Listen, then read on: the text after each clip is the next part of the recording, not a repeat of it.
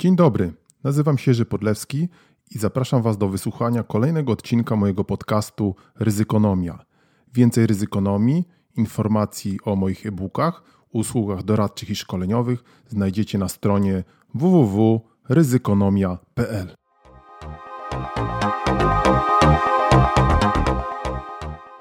Pożytki z pesymizmu. Muszę się przyznać, że jest parę książek, których wciąż nie przeczytałem, ale wydają mi się ważne z tego tylko powodu, że mają dobre i pełne treści tytuły. Pierwszym przykładem, który mi przychodzi na myśl jest społeczeństwo spektaklu Gaja de Borda. No może część przeczytałem, ale lekturę porzuciłem, mając wrażenie, że tytuł wystarczająco doskonale podsumowuje to, o czym pisze założyciel międzynarodówki letrystycznej i sytuacjonistycznej. Druga pozycja, której celny tytuł wyrył mi się w pamięci, a ją akurat przeczytałem, to Pożytki z pesymizmu i niebezpieczeństwa fałszywej nadziei Rogera Scratona. I pewnie się czytelnik zastanawia, co to wszystko ma wspólnego z zarządzaniem ryzykiem. Otóż Scraton, znany zresztą filozof, pisarz i kompozytor z Londynu, w swej książce, tak by wynikało z jej tytułu, dowodzi, że źródłem największych nieszczęść i katastrof w europejskiej historii była nieokiełznana wiara, że wszystko zmierza ku lepszemu, że należy być niepoprawnym optymistą, bo świat się zmienia na lepsze, a jakby co, to jakoś to będzie. Przykładów na popularność tej postawy z historii politycznej czy gospodarczej można wymienić od ręki, nawet bez kratona tysiące. Wierzyliśmy, że nie będzie pierwszej wojny i drugiej, że w Europie skończyła się historia. I to jeszcze trzy miesiące temu. Wierzyliśmy, że nie będzie drugiego równie wielkiego kryzysu, że rynki finansowe zmądrzały, że rządy nie będą dalej się zadłużać, a obecne pokolenia zjadać zapasy następnym, co jest o tyle prawdziwe, że zostały one już chyba zjedzone. Zresztą, jedną z największych naszych narodowych urban legend jest to miliony razy powtarzane nieporozumienie, jakoby Polacy lubili narzekać, ergo byli urodzonymi pesymistami. Nic bardziej błędnego, nie mającego żadnego uzasadnienia w naszej ani najstarszej, ani najbardziej współczesnej historii. Pokażcie mi drugi taki naród optymistów na świecie. Setki razy w historii radośnie biegliśmy na CKM z gołymi rękami i wierzyliśmy w wiarołomnych sojuszników. Albo dzisiaj. Większość spotkanych pełna jest skrywanego, ale jednak optymizmu, że i z emeryturami jakoś to będzie. Choć na żadnym nawet najprostszym kalkulatorze nie da się tego udowodnić, a demograficzne tsunami już szumi za oknem. Podobnie w wielu innych obszarach, i społecznych, i gospodarczych.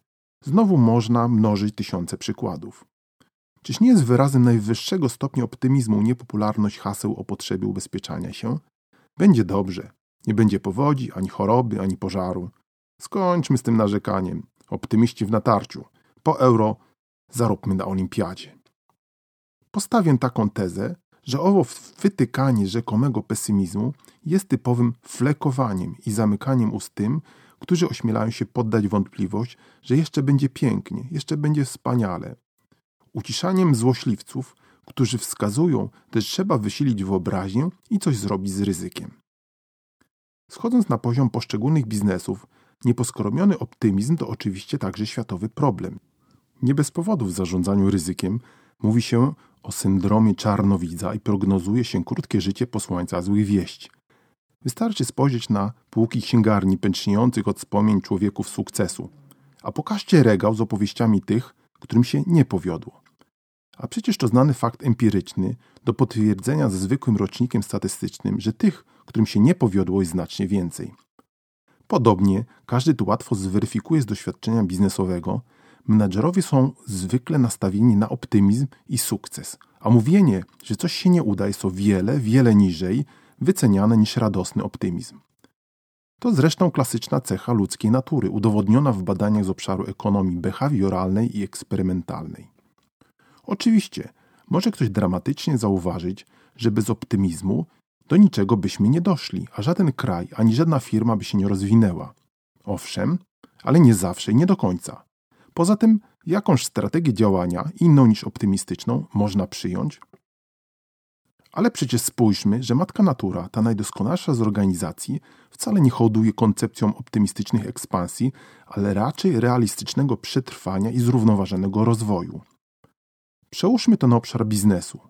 Co by było, gdyby pionierzy śmieciowego kapitalizmu z Wall Street zamiast wymyślać nowe pola do zarabiania pieniędzy, mniej optymistycznie skoncentrowali się na dobrze znanym, choć może nie tak bardzo zyskownym biznesie.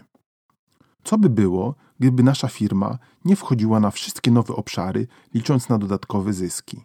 Czy ochrona wartości nie przynosi na koniec dnia jakże często lepszych efektów niż chorobliwe szukanie sposobów na jej wzrost? Albo jeszcze inny przykład ilustrujący pożytki z pesymizmu. Natura obdarzyła nas, gdy tylko mogła, naturalną redundancją na wszelki wypadek. Mamy dwie nerki, dwoje płuc, innych rzeczy po dwie, niektórzy nawet po dwie półkule mózgowe.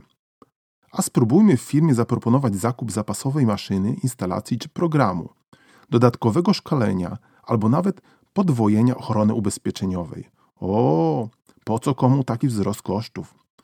Będzie stało, leżało, nie przynosząc korzyści. Siadł i wstydził się Czarnowidzu Kowalski Malinowska. Niepotrzebny skreślić. Skoro o kluczowym temacie kosztów mowa, to powiedzmy sobie otwarcie, bez niepotrzebnego optymizmu, że zarządzanie ryzykiem jest wciąż postrzegane przez olbrzymią część zarządów, a w każdym razie w Polsce jako modna, acz kosztowna fanaberia. Zbyt pesymistycznie? Proszę, służę statystykami. Co prawda, nie mniej niebezpieczny jest też optymizm, że rozbudowane modele zarządzania ryzykiem, wprowadzanie wzorów na obliczanie przyszłości zabezpiecza nas przed każdym ryzykiem, podczas gdy w istocie kreuje zupełnie nowe i nie mniejsze zagrożenia. Na zakończenie tej krótkiej założenia pesymistycznej opowieści jeszcze anegdotka o pesymiście, optymiście i menadżerze ryzyka. Kim jest pesymista? To człowiek, który widzi szklankę w połowie pustą. Optymista widzi szklankę w połowie pełną. A menadżer ryzyka analizuje, czy w szklance są zarazki.